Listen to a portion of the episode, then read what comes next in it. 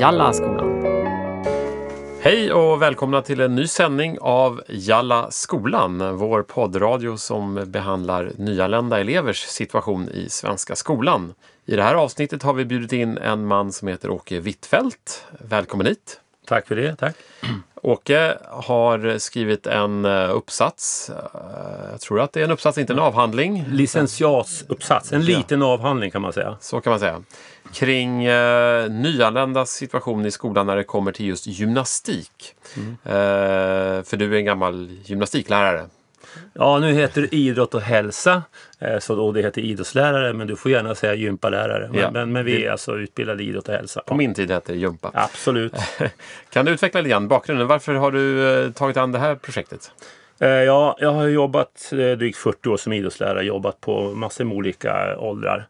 Eh, och sen 6-7 år tillbaka så har jag jobbat med nyanlända ungdomar då, som är 16 till 20 år. Och just idrottsundervisning, även matematik också. Men just när det gäller idrott så hade jag lite svårt att, att se alltså hur jag skulle möta dem på ett, på ett konstruktivt sätt.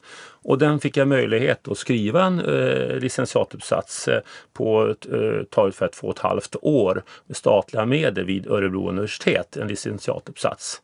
Eh, och då tog jag chansen att just fördjupa mig i de här frågorna för att komma till rätta kanske med en del i alla fall av mina frågeställningar. Så du har jobbat både som idrottslärare men också mattelärare. Så, Ja, precis. Och har du mött de här, de här eleverna i båda ämnena? Inte alla, men många av dem. Ja, men problematiken om man Absolut. Så, Eh, Jo, jag tycker att jag har en helhetsbild över deras skolsituation. ja. Eh, och vad, vad ser du för utmaningar för de här eleverna just i idrott och kanske i parallellt jämförelse med de mer teoretiska ämnena som du också har jobbat med? Då?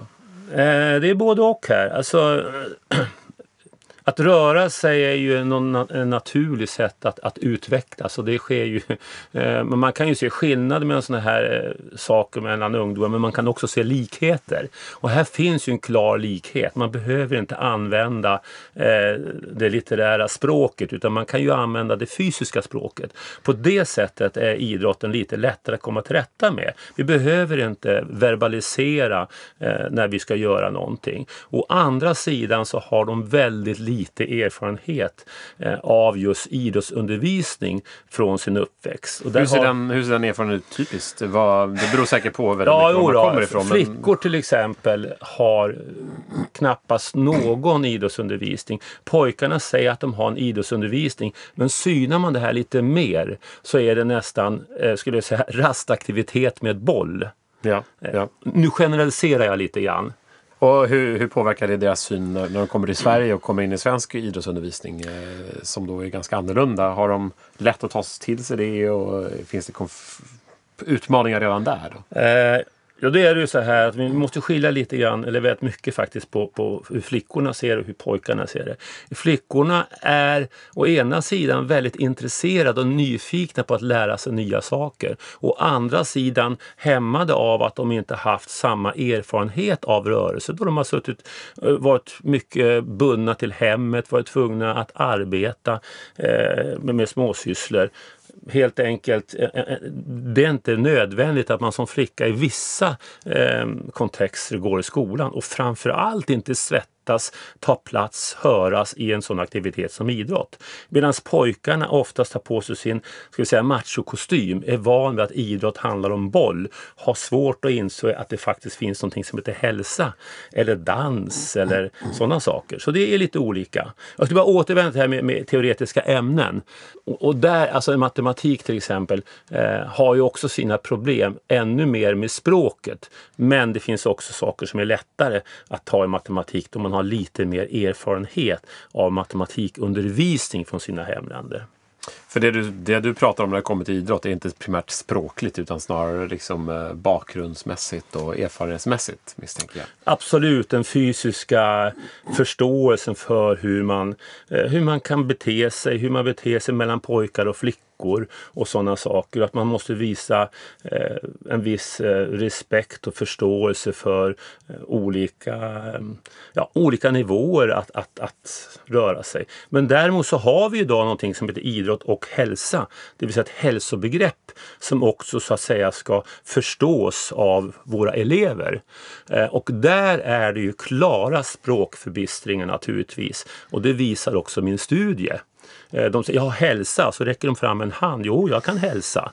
Eh, och man kan ju le åt det här, men har man inte förståelse för ämnet så kan det också göra att man har svårt att vara inom citationstecken eller eh, citationstecken en bra elev. Ja, ja.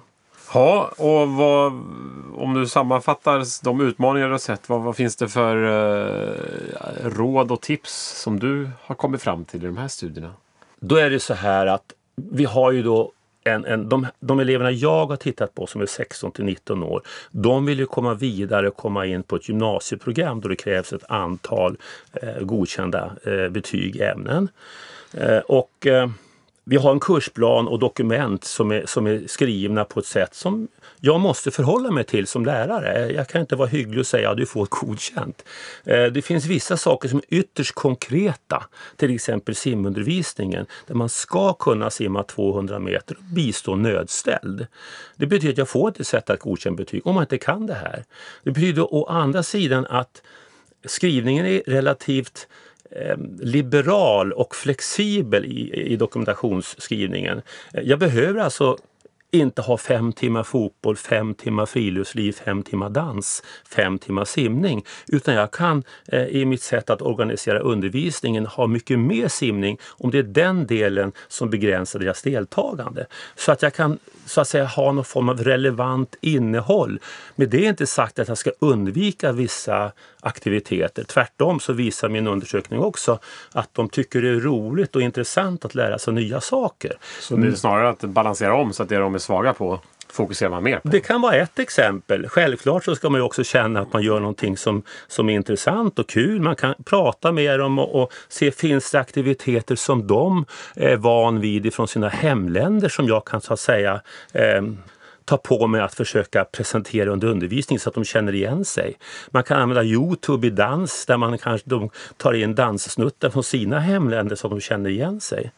Eh, så det finns en flexibilitet utifrån dokumentationen som jag tror är väldigt viktigt att vi idrottslärare tar till oss och, och, och jobbar med.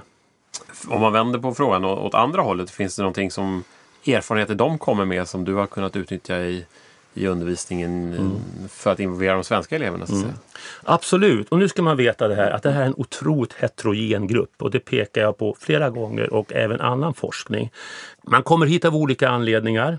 Eh, en del är ensamkommande, många andra kommer hit med familjer, en del är kvotflyktingar, en del har kommit hit eh, som son eller dotter till gästföreläsare eller till ett stort företag. Men alla räknas som nyanlända så länge man inte har varit här längre än fyra år. Så det är en ytterst heterogen grupp och kommer alltså från hela världen. Men självklart så finns det saker och ting som, som vi kan ta till oss. Den här faktiskt positiva känslan av att göra någonting positivt av livet trots sina traumatiska eh, erfarenheter. Och att, att vara många gånger väldigt positiv och ha någon form av överlevnadsstrategier som jag nu ska generalisera lite grann, kanske ibland har lite svårt att se hos svenskfödda ungdomar vid samma ålder. Eh, självklart och bara man träffar den på stan så kan Hej Åke, är det här din fru? Vilken annan 16-17-åring skulle säga det? Så den här lättsamheten eh, och trevligheten tycker jag. Och sen finns det naturligtvis idrotter och sånt som vi kan lära oss mycket av. Intressant. Om vi går tillbaka till egentligen huvudfrågeställningen och dina slutsatser i, i avhandlingen här då. Så, fler tips till, till lyssnare här som undrar hur de ska Eh, jo, det, det, är ju, det, är ju, så just i diskussionen, då får man vara lite mer fri i sitt sätt att skriva. Själva forskningen är ju väldigt strukturerad och den ska ju hålla hög kvalitet. Eh, men mina tips och rekommendationer utifrån min forskning till mina kollegor runt om i landet eh, till, till den här gruppen. Lyssna till de här eleverna. Försök att skapa relationer och bry dig. Det är inte så att det gäller ju för alla elever men kanske nog så viktigt för den här gruppen då skolan är sån central plats för dem. De har oftast inte andra vuxna att ty sig till eh, eller inte samma kamratförhållande ute på fritiden. Skolan är en, en väldigt viktig plats för dem. Visa respekt för det vi pratade om tidigare, deras kunskap, att också den är viktig och att vi kan lära oss något av det här. Vi pratar om integration, jag skulle vilja prata om inkludering, alltså där man tar till sig olika sätt att förhålla sig till eh, saker i samhället så att vi utvecklas tillsammans. Eh, en, en eh, integration handlar ju mer om att anpassa sig tycker jag, men det här handlar om att ta vara på varandras kvaliteter. Underlätta för vid tider, undervisning, utrustning, ombyte, dusch, simning, dusch med kanske dörrar som man kan stänga sig. Vara tydlig, eh, förklarar regler och sånt här väldigt tydligt. De har inte samma benägenhet att våga fråga. Säger oftast jag kan, men sen kan de oftast inte. Underlätta framför allt för flickorna som är en grupp som vi måste ha eh, vårda ömt. Förklara kursplan och överföringsdokument tydligt.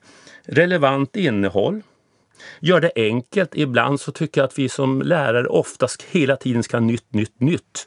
Jag har ibland exakt samma lektioner två gånger efter varandra vilket gör att de känner en viss verklig trygghet. Lär dig några enkla ord på deras språk för att just visa att deras kunskap och deras liv också är viktigt. Ehm, lär dig vad bra heter, fian på somaliska och de lyser upp. Det är larvigt enkelt faktiskt. Samarbeta i, utanför skolan. Bana väg för naturliga eh, sätt att umgås Eh, mellan olika elevgrupper. Det kan vara schack, det kan vara idrott, det kan vara musik. Och sen sådana här små drömmar. Motivera gärna studenter att bli lärare, de som har en utlandsbakgrund. De har ju verkligen förståelse för den här gruppens sätt att se svenska samhället och naturligtvis idrotten. Och sen, det vore ju fantastiskt för att det ska ju vara så i det bästa av samhällen att sammansättningen av lärarkåren ska också kunna spegla sammansättningen i samhället. Det var inte några tips, det var många tips. Ja, det var många, jag vet det. Kan du ta till dig ett tips som lärare eller två och känna igen det här så jag är jättenöjd om jag har bidragit med det. Och en del är säkert självklara för många kollegor. Och för den som vill läsa på lite mer på djupet här och inte hängde med i alla dina tips, var, var hittar man din avhandling? Eh, man går in på DIVA, DIVA, Digitala vetenskapliga arkivet. Söker på Passar jag in? Nyanlända ungdomars möte med idrottsundervisning och så söker man på mitt namn då, Åke Wittfeldt. Så hittar man både en lång och en kort version? Absolut, ett abstrakt i början som man kan bara titta igenom snabbt. Ja, jättespännande och kul med lite annan vinkling på, på skolintegration här. Så jag får tacka dig väldigt mycket för att du tog dig hit. Eh, hela vägen från Umeå till Stockholm. Mm. Kanske inte bara för detta, men ändå. och tacka alla lyssnare som lyssnade på detta avsnitt. Vi kommer snart tillbaka med fler avsnitt i Jalla skolan. Så håll utkik. Så tack så mycket och hej då!